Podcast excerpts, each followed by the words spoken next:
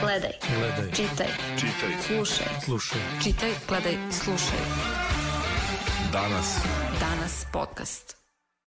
Dobrodošli u novu epizodu danas ovog podcasta. E, Za početak imam dve lepe vesti da podajem sa vama.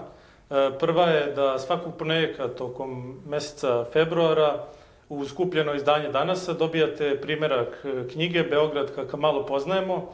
To je knjiga u četiri primerka i svakog ponedjeljka dobijate po jedan u skupljeni Danas. E, Druga lepa vest je da je danas proširio svoju dopisničku mrežu na još tri grada u Srbiji, a to su Zaječar, Jagodina i Šabac i trenutno pokrivamo 13 gradova, a nadamo se da će ih uskoro biti i više. E, Naša današnja tema jeste radno vreme. E, Da li mi u Srbiji radimo previše ili premalo i šta su prednosti, odnosno mane takvog radnog vremena, o tome ću razgovarati sa mojim današnjim gostima. Ja sam Vojislav Stojisavljević, a sa mnom su Marko Miletić iz političke platforme Solidarnost i Aleksandar Milošević, e, urednik ekonomije u Danasu. E, Dobrodošli. Hvala. Evo, jedan od povoda za ovu temu bio mi je tvoj, Marko, lični stav koji si napisao za naš list e, pod nazivom, kako beše, na, napuko, nakon 100 godina moramo da menjamo radno da vreme u, u Srbiji, da. E, pa evo, moje pitanje za obojicu da bude na početku. Da li je konačno došlo to vreme da, da se to menja i da li su trenutne društvene okolnosti pogodne za tako nešto? Da ja počnem. Evo, možeš, da. Hvala. E, Prvo, hvala na, na pozivu i hvala što ste otvorili prostor da, da se razgovara o ovoj temi koju smatram važnom.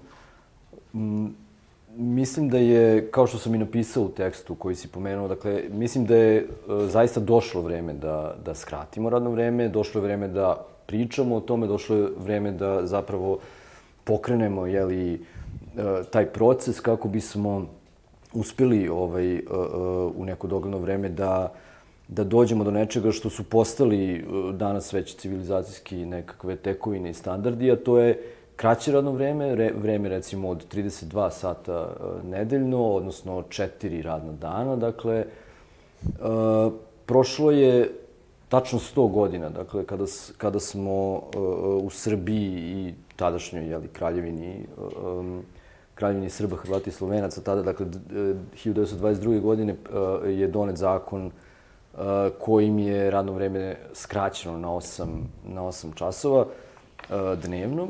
E, Istina, taj zakon nije e, tada važio za, za baš sve radnike, ali on jeste predstavljao e, veliki uspeh decenijskih borbi sindikalnog radničkog pokreta i tadašnja država je na taj način, do- donemši taj zakon, zapravo nekako ušla u, u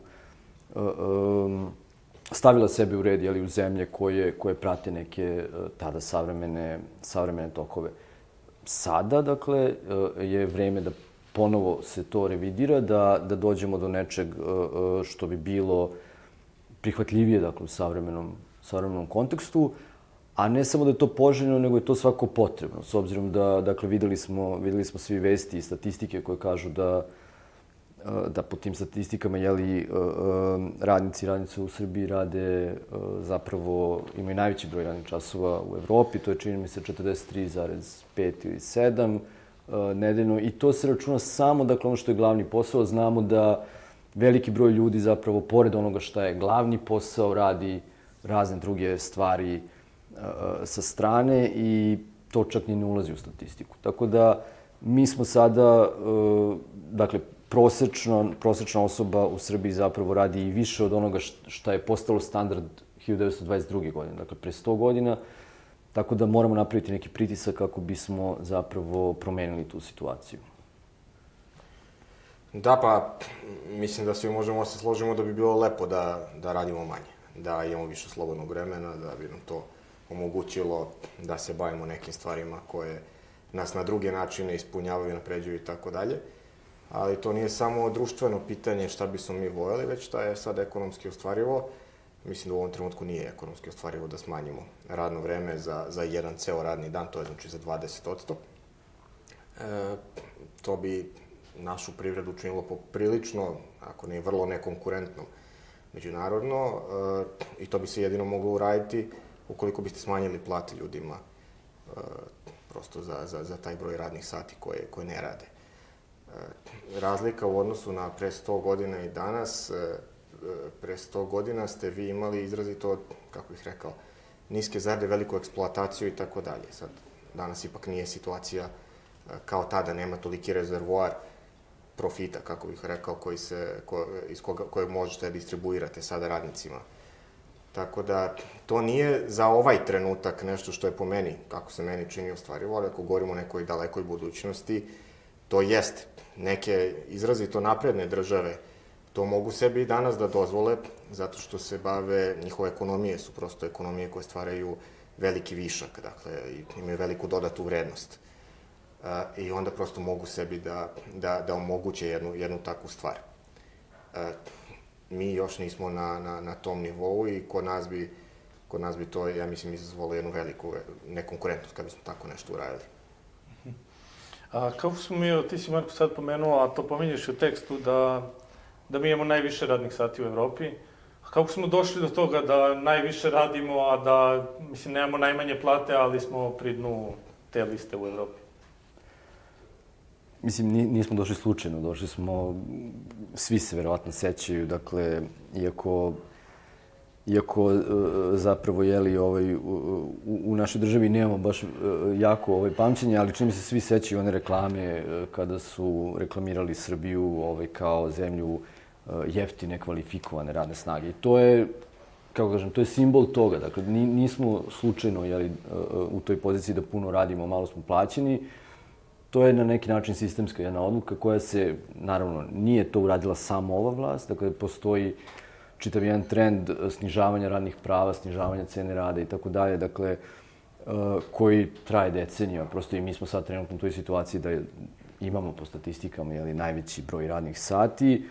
Ujedno imamo te plate koje su verovatno ne najniže u Evropi, ali kao što si rekao, pri dnu. Po zvaničnim opet statistikama, prosečna plata je po zadnjim, čini mi se, merenjima, jeli 69.000.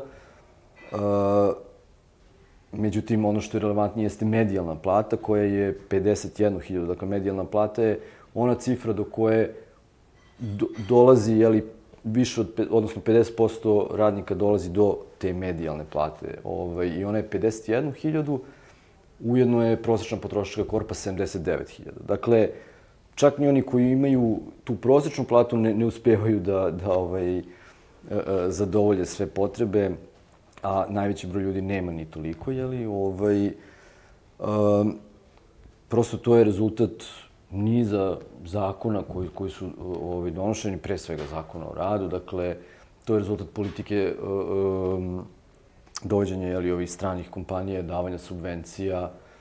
Uh, prosto vlast u Srbiji decenijima dakle, stvara takve, uh, takve uslove u kojima su ljudi eksploatisani i za to apsolutno uh, mizerno plaćeni. Pa, e, zašto mi imamo niske plate ako je to ovaj, isto pitanje tako puno radimo? Mislim, to je stvar produktivnosti rada. To produktivnost znači koliko para e, firma, ne radnik, koliko para, da kažemo, firma stvori za jedan sat rada određenog radnika. Kod nas je to manje nego, na primjer, u Belgiji, razumete? I onda kod nas su manje i, i plate i ceo, i ceo, i ceo proizvod društveni i tako dalje. E, tako da, e, vi prosto morate da zaradite više da biste više mogli da platite.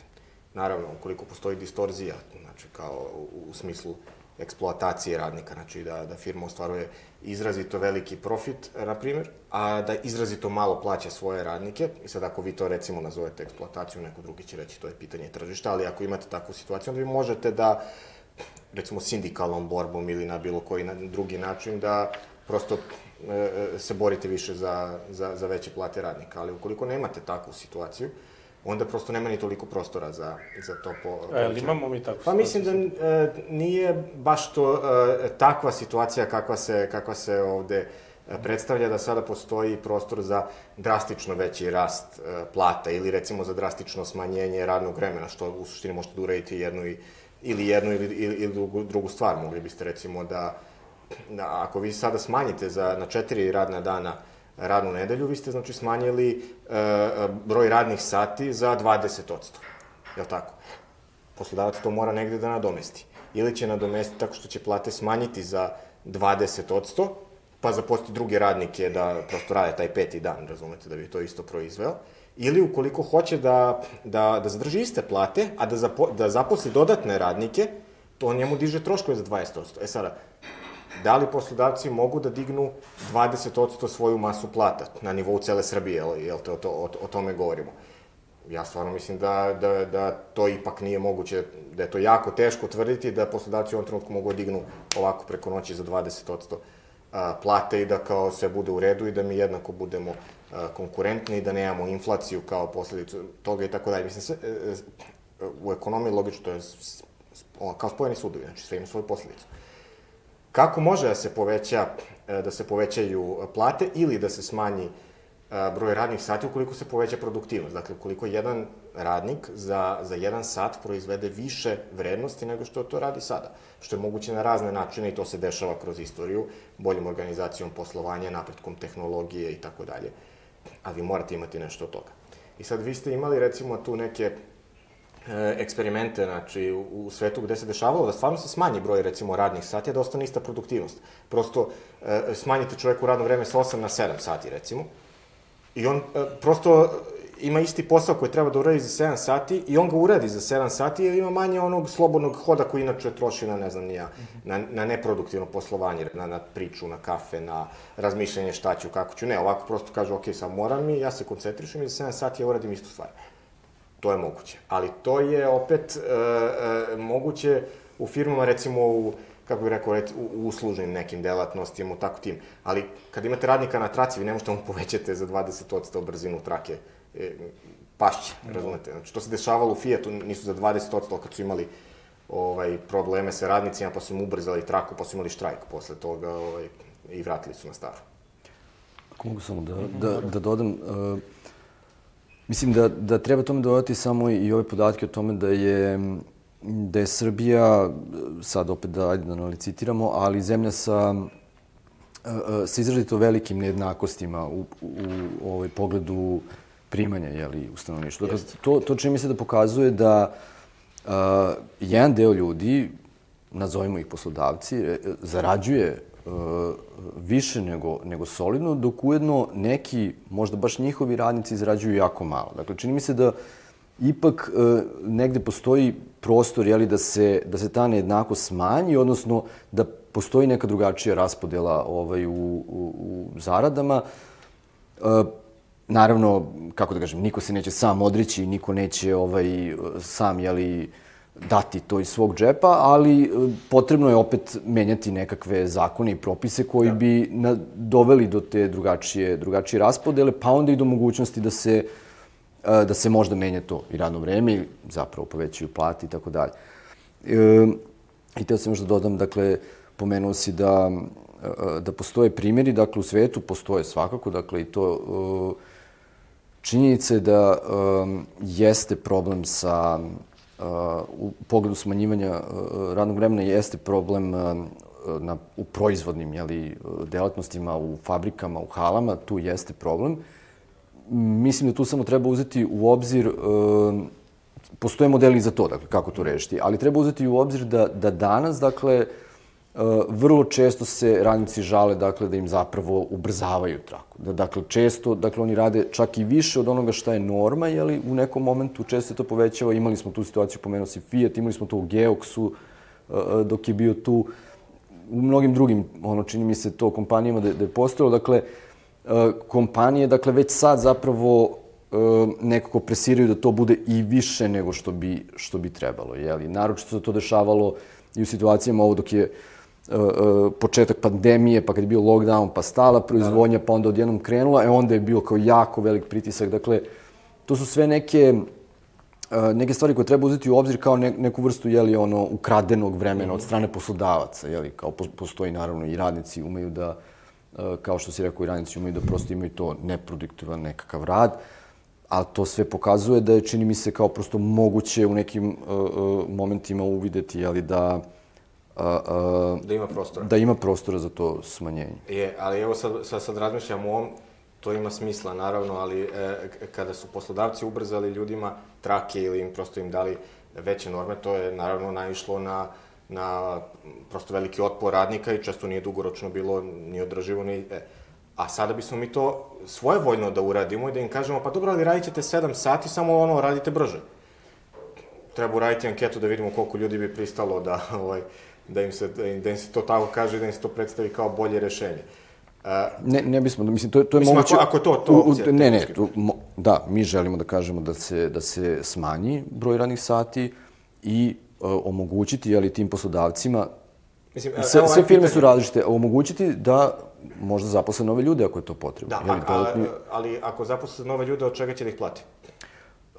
samo uh, uh, i dakle sve države koje imaju probne ovaj probne neke periode za vezano za skraćivanje radnog vremena naravno imaju određene pakete pomoći firmama da se da se prilagode. I ti paketi nisu ogromni. Dakle, u Škotskoj trenutno uh, uh, vlada je izdvojila 10 miliona funti. Srbija je samo Geoksu dala za koliko 4-5 godina 20 miliona evra Da, da, za subvencije. Dakle, prosto to su, uh, ispostavilo se, dakle, Geoks je u, u naš budžet na po, kroz poreze vratio možda trećinu toga, dakle, čini mi se, dakle, očigledno postoji neki novac koji može da se, da se ovaj, uh, uh, uloži u to da se pomogne kompanijama, firmama raznim da pitanje se... je tu da li je to dugoročno održivo. Ili je to dok država daje pare, oni mogu funkcionišati tako, a čim prestane da dobijaju taj novac, već opet se vraćaju na staro. Dakle, on, ono što se pokazalo u svetu tamo gde su, gde su ove različite firme probale sa tim, to je ispalo, dakle, održivo i ljudi su nastavili, dakle, to da, um, da rade sa skraćenim radnim Pa Dobro, ne, ali Dakle, mislim, posle- ho- hoću kažem, uh, ostalo, uh, to, to, uh, to nigde nije izvedeno na nivou cele države i čitave ekonomije. To su pilot projekti Nije, po, da. po nekoj firmi. Dakle, vi sada možete, vi odete u marketinšku agenciju i da im to, razumete, oni će sigurno moći da se organizuju bolje, a to izvedu. Probajte to u Volkswagen, neće da funkcioniše. A zapravo Volkswagen zapošljava daleko više, dakle i dalje proizvodne firme zapošljavaju daleko više ljudi. Dakle, prosto morate ekonom, prosto je matematika, znači morate nekako rešiti. Morate imati isti proizvod e, za, za iste pare, a, za, a za, za, za manje radnog vremena. Znači, na neki način to morate da postignete. Tradicionalno se to postiže tako što tehnologija napreduje i omogućava brži rad. Umesto da kucate Excel, imate onu mašinu koja to ide sama i onda jedan radnik može da ukuca 10.000 Excela, ranije je mogo 100 komada, proizvoje je stvar koja vredi isto i može da dobije veću platu za to. Ali ako nemate mašinu koja će da ubrza to, vi to prosto ne možete da uradite. Znači, njemu možete kažete radi brže, ali postoji, jel te, limit koliko čovjek može da radi brže. Naročito u firmama koje su jako uspešne i već sada efikasne. Zamislite recimo u Amazonu, ajde sad da, da ne koristimo srpske firme. Probajte tamo da, ovaj, da smanjite, oni ljudi su optimizovali, eh, njihovi radnici rade stvarno ko mašine. Znači, to ne možete nikako da uradite. A htio sam jednu stvar samo kratko ovaj, e, e, oko nejednakosti. E, Nejednakost u Srbiji zaista jeste, bila je najveća u Evropi pre par godina, sada je, ja mislim, druga ili treća. Mislim, i dalje smo, jel te, pri vrhu. M- mislim da možda nije najtačnije reći da je to e, razlika između poslodavaca i zaposlenih. E. A, a što naravno sigurno jeste, ono, recimo, vlasnici, generalni direktori, svakako su oni koji prave to, ali vi tu imate i niz drugih e, e, profesija koje, koje zapravo prave tu, tu razliku. Tu su razni menadžeri, tu su razni profesionalci, koji, programeri, arhitekte, ljudi koji jako mnogo zarađuju. A s druge strane imate gomilu ovih ljudi što rade to u Geoksu, Šiju i tako dalje, koji rade za minimalac ili manje od minimalca i, ta, i tako dalje. E, ono što je ekonomisti tradicionalno tu preporučuju kao rešenje je zapravo poreska politika.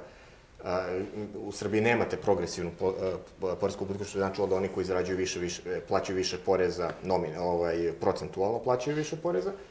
Kod nas uglavnom imate i iste stope, čak nekada imate i regresivno, znači da onaj ko ima više zapravo plaća procentualno manji porez. I onda e, u, u, u, u, razvijenim zemljama koje brinu o tome, na primer, e, Skandinavije i tako dalje, e, ili Francuska i tako, vi imate progresivni porez, imate, imate situaciju da oni koji su gore plaćaju više i onda se taj novac redistribuira onima kojima treba kroz razne socijalne programe ili poreske olakšice za one sa niskim platama i tako dalje. I tako onda ono što se zove ta tržišna nejednakost, stvari na kraju, na kraju je smanjite. E, to je ono što bi, o čemu bi, ja mislim, mi trebalo da kao sistemskom rešenju razmišljamo na kratak rok. E, Ja bih sad vratio na to da, da probamo da vidimo te neke svetle primere iz Evrope ili sveta koji su uspeli tako nešto. Jer ja baš dok sam čitao, pripremajući se za ovo, čitao sam da je u, u Švedskoj su, na primer, probali to dve godine i nije im uspeo projekat. Probali su, oni su smanjili na 6 sati radno vreme svaki dan, e, tačnije 5 radnih dana, I to je trajalo dve godine, ali se na kraju ispostavilo da taj projekat nije bio isplativ i nije održiv i, i da ne može da funkcioniše tako. A zanima me sad, da li znate vi neke te svetle primere u svetu koji su uspeli, recimo, ti projekti i koji su možda i zadržali tako radno vreme? A da nije bilo sad neke prevelike štete za radnike i slično. Mislim, Al- Aleksandar je upravo da dakle, nigde nije na nivou države još uvek to usvojeno kao, kao pravilo. Dakle, postoje razni pilot projekti. Trenutno je najznačajniji možda ovaj u koji se dešava u Velikoj Britaniji. Dakle, tu je trenutno možda najveći taj eksperiment.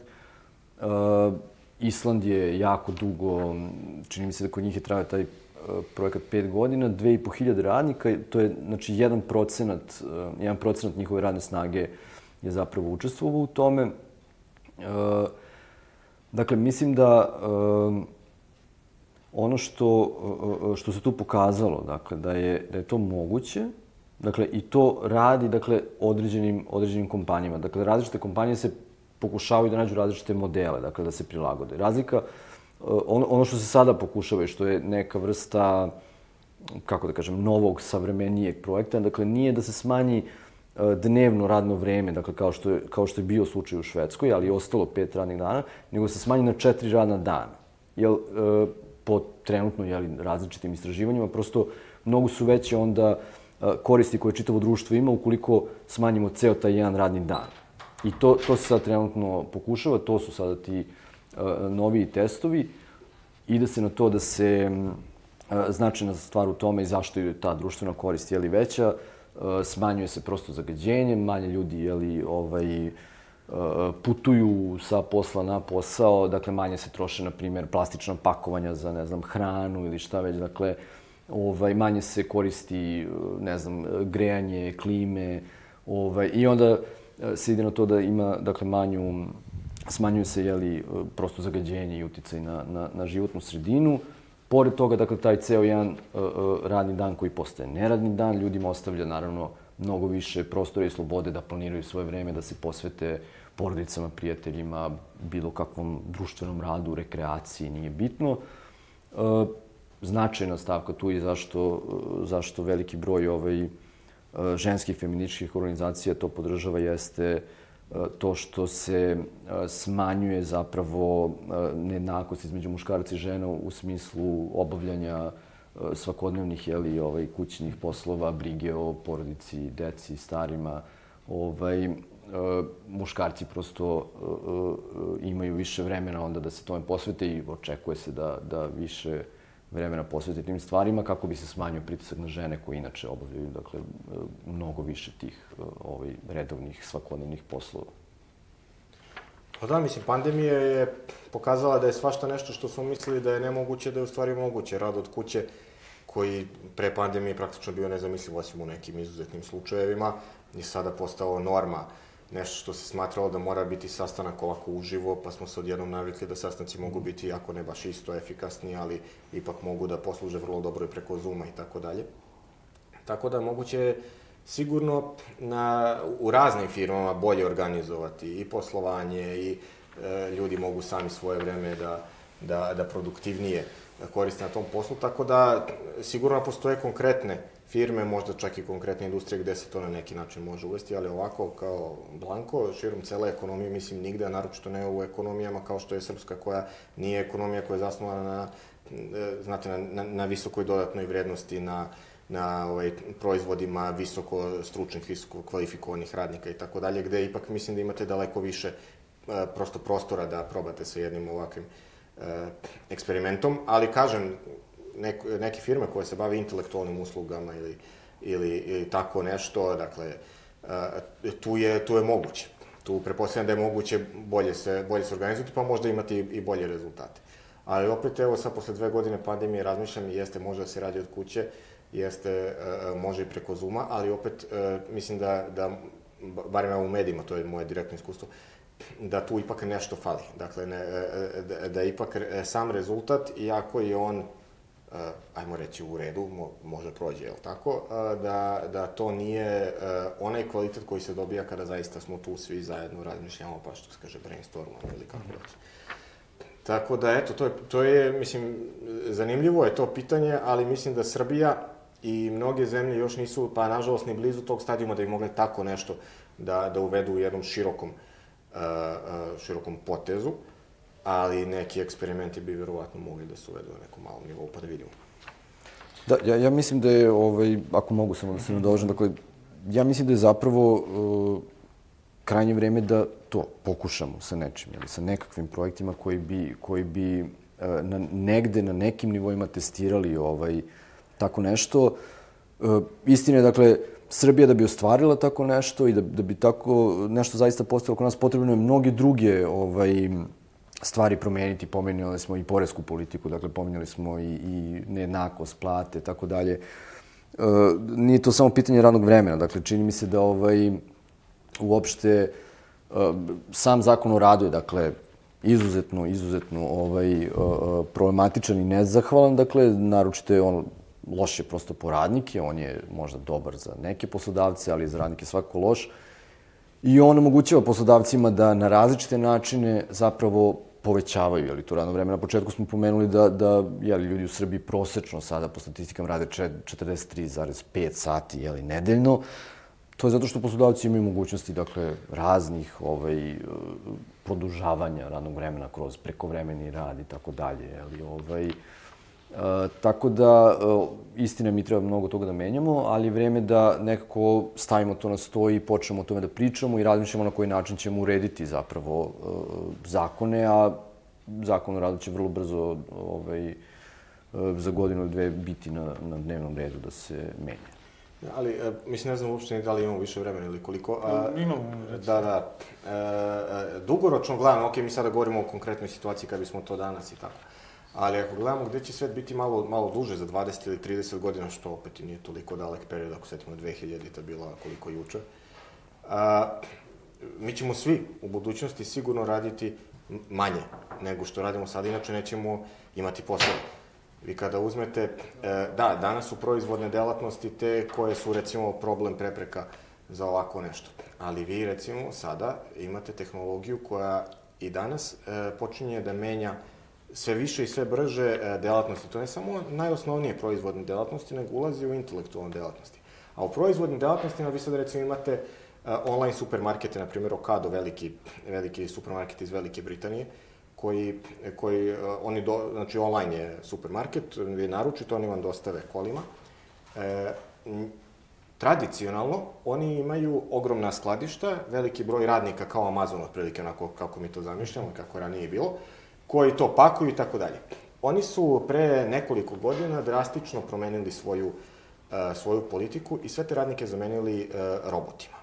Dakle, prosto e, doveli su inženjere, napravili su specifične robote, celo skladište novo su napravili, u njemu ne radi ni jedan radnik ili dva, tri radnika, jel te kontrolora, imate robote koji pakuju robu, koji, koji biraju robu, koji, koji je donose, odnose, sve rade roboti i to se pakuje. Dakle, e, to je izrazito efikasno poslovanje u kome nema radnika, dakle, ti ljudi su izgubili poslove.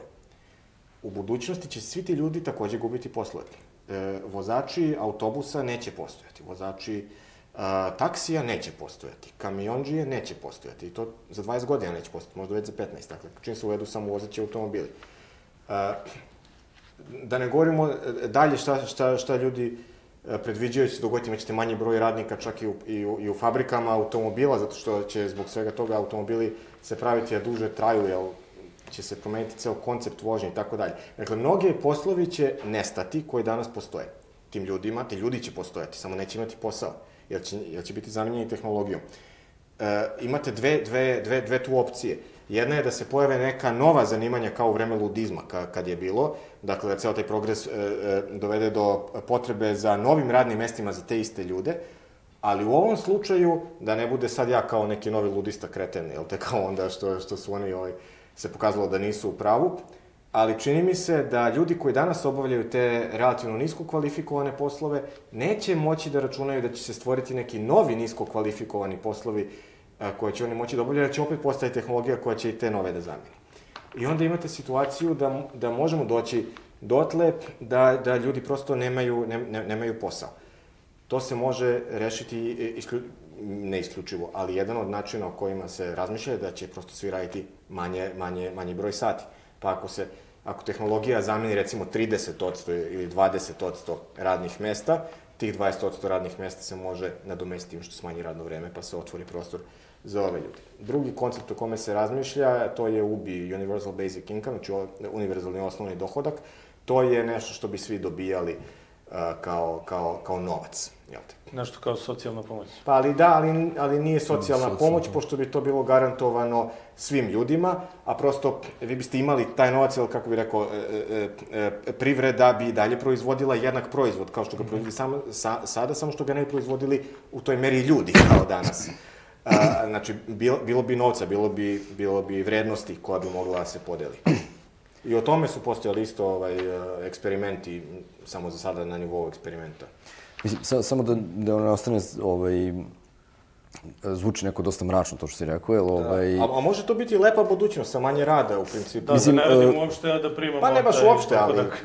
Da, Ne, da. da, dakle, mislim, svako robotizacija menja, menja dosta ovaj, e, polje rada, dakle, uopšte ono, i privredu, ekonomiju, dakle, ali e, čini mi se da potreba, na primjer, za, za ovom transformacijom ka zelenoj ekonomiji zapravo takođe dovodi do, do otvaranja nekih novih ovaj, polja i mesta. I s druge strane, naravno, i dalje će neko morati da proizvodi i te robote i da ih održava i tako dalje. E, To naravno znači da će morati da se da se menja obrazovanje, dakle morat ćemo da prosto postojeće nove, e, novi neki poslovi jeli, i obrazovni profili za koje mi sad ne možemo možda ni da pretpostavimo šta su, dakle to će morati da se menja, ali i dalje, dakle, neće ekonomija moći da funkcioniše bez ljudi i dalje će, čini mi se, još dugo, dugo, ono, osnovni e, e, po- pokretač, jeli, i osnovni, ono, način stvaranja nekakve vrednosti će biti ljudski rad, čini mi se još e, dosta dugo. Naravno, to su stvari koje mi treba da, da neko, jeli, da, da prihvatimo. Mislim da, Da, da. kako da kažem, sad, to je stvar, to jeste pitanje koje si ti pomenuo u nekom momentu, to je, to je pitanje uh, sindikata, koliko su oni jaki, da li su spremni i generalno radnički pokret da se, da se uhvate u borbu sa tim, da, da prihvate ono što je promena, ali da se izbore za uh, nekakvo uh, pravedno i dobro mesto za radnika u svemu tome. Jer, ok, ukoliko robotizacija je veoma zahvatila, na primjer, to autoindustriju, ne znam, razne proizvodne grane, Dobro, okej, to znači da radnik koji upravlja sada tamo tim robotom i tim mašinama, jeli, radi nešto, on ne mora da radi toliko, jeli, koliko je radio ranije. Dakle, prosto manje vremena je potrebno za proizvodnju. Tu treba vršiti pritisak na kompanije da a, ne moraju, dakle, čitava ekonomija je zasnovana na rastu, stalnom rastu, stalnom rastu. To nas je dovelo u situaciju gde jesmo, da, da sad brinemo da li će ova planeta uopšte da, da preživi. Dakle, treba vršiti pritisak da se cijela ekonomija na neki način ovaj, a, prilagodi novim okolnostima i da se više ovaj, osvrne na, na čoveka, mislim, i na njegovu dobrobit, a ne samo na rast ekonomije i profita. E, da, na, e, ima tu baš sad dosta stvari o kojima se o kojima se može diskutovati. Jedno odor, sad da ne ponavljamo tu priču, stvarno niko ne zna da li će nisko ili srednje kvalifikovana zanimanja u budućnosti e, uspeti da pronađu neka ti ljudi koji se time bave. Da li će oni uspeti da pronađu neka nova, da sada ne postojeće zanimanja koja će takođe biti niska ili srednje kvalifikovana, a koja, a koja neće moći da, da obavljaju, što kaže, roboti ili neke mašine ili, ta, ili tako dalje. Jer ne možemo mi sad računati da neko ko danas e, prosto radi neki najosnovniji posao, kad ostane bez tog posla, da će on sad da završi fakultet pa, pa Da da, će raditi. Dakle, prosto, znate, to je, to je, to je nerealno očekivati. I onda je stvarno pitanje šta, šta će biti, vrlo je moguće da će se stvoriti neka, ne, neka nova zanimanja. Će se prosto ljudski osnovni rad daleko više ceniti ili tako nešto, ne znam ja. A, moguće. U svakom slučaju sigurno je da ti ljudi neće, neće biti, kako bih sad, sad rekao, nekoj distopiji ostavljeni da, da u siromaštvu ili da tavore, ali me ne bi čudilo da zapravo možda dođe čak i do neke, do povećanja nejednakosti u smislu da ljudi koji se bave intelektualnim poslovima budu daleko više plaćeni nego danas, a oni na osnovnim da budu uh, proporcionalno, jel te, uh, manje, ali ajde vidi da ne mračimo, možda, mm -hmm. možda ovaj, zaista budemo svi pokazali više solidarnosti, pa svi zajedno uh, budemo napredovali ta tehnologija, mislim na kraju i verujem da će nam ta tehnologija svima zajedno i biti, i biti uh, od koristi. E sad, ova neka druga pitanja, e, ne sjećam se tačno šta si sve govorio, ali znam da je, da, ovaj... Da moramo menjati našu ekonomiju. Da, generalno. da menjamo ekonomiju, rast. Pa e, to je, to jeste stvarno zanimljivo pitanje. Sad, e, rast svetske ekonomije, srp, mislim i srpske i, i, i cele mm -hmm. svetske, ugrožava našu planetu, to je jedna teza koja je, recimo, tačna, tako?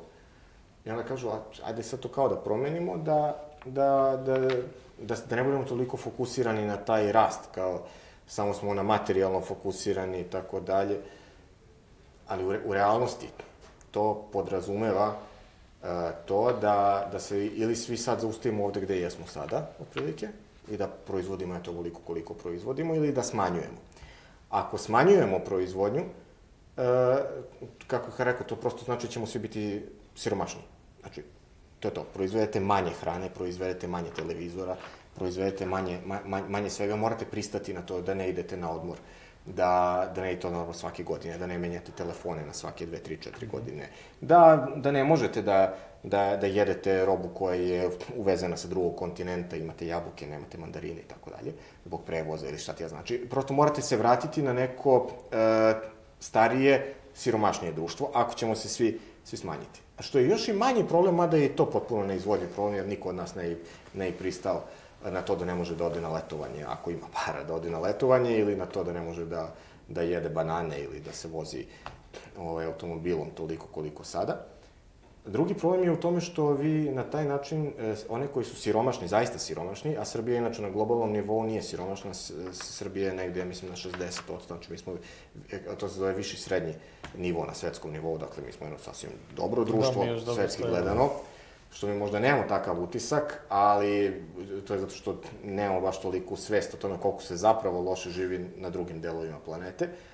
Ali, e, da, da sad završim malo dugu priču, zaustaviti e, privredni rast, dakle ne, ne rasti ovoliko brzo, znači ljude ostaviti u siromaštvu. Ljude u Kini, u Indoneziji, u Africi i tako dalje, to znači da oni ne smeju da rastu.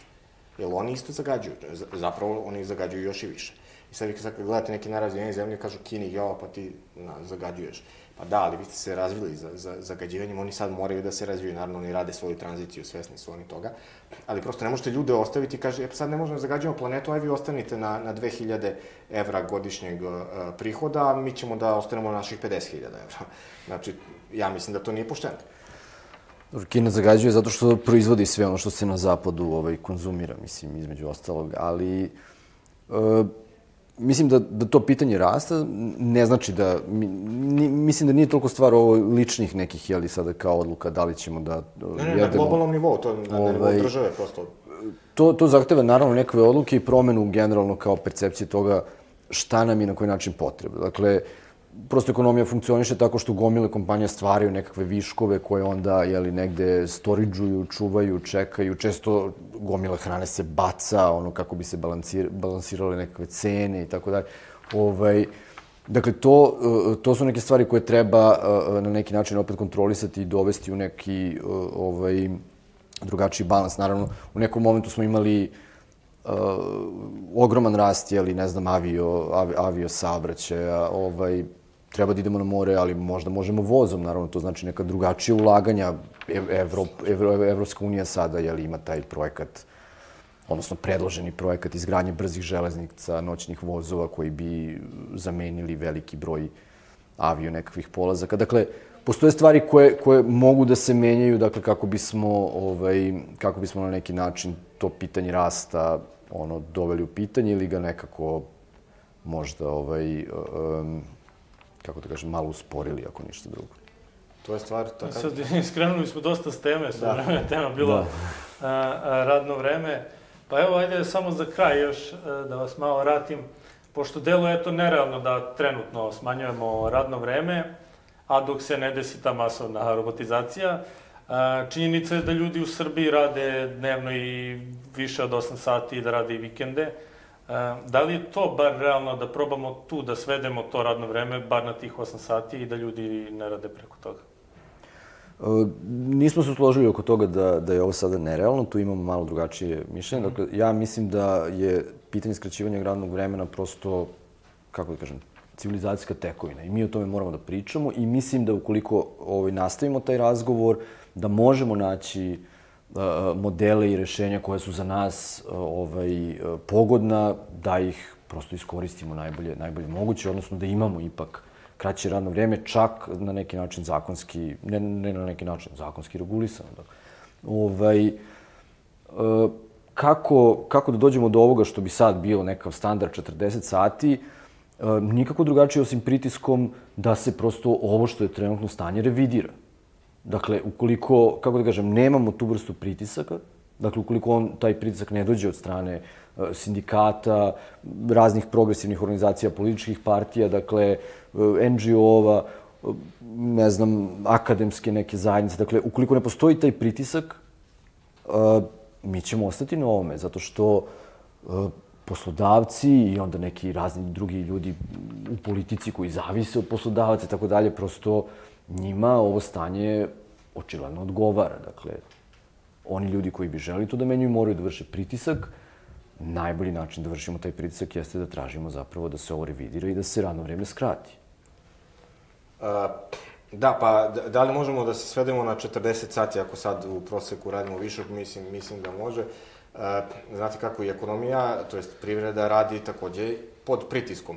Ima jedna od teorija zašto se industrijska revolucija nije dogodila ranije, recimo u doba Rima i jedno od ponuđenih objašnjenja je zato što je robovski rad bio izrazito jeftin i niko nije imao potrebu da ulaže u veću efikasnost. Uvek ste imali dovoljnu količinu jeftinih radnika, niste mogli razmišljati kako to je efikasnije uh, unapredite svoju, svoju proizvodnju.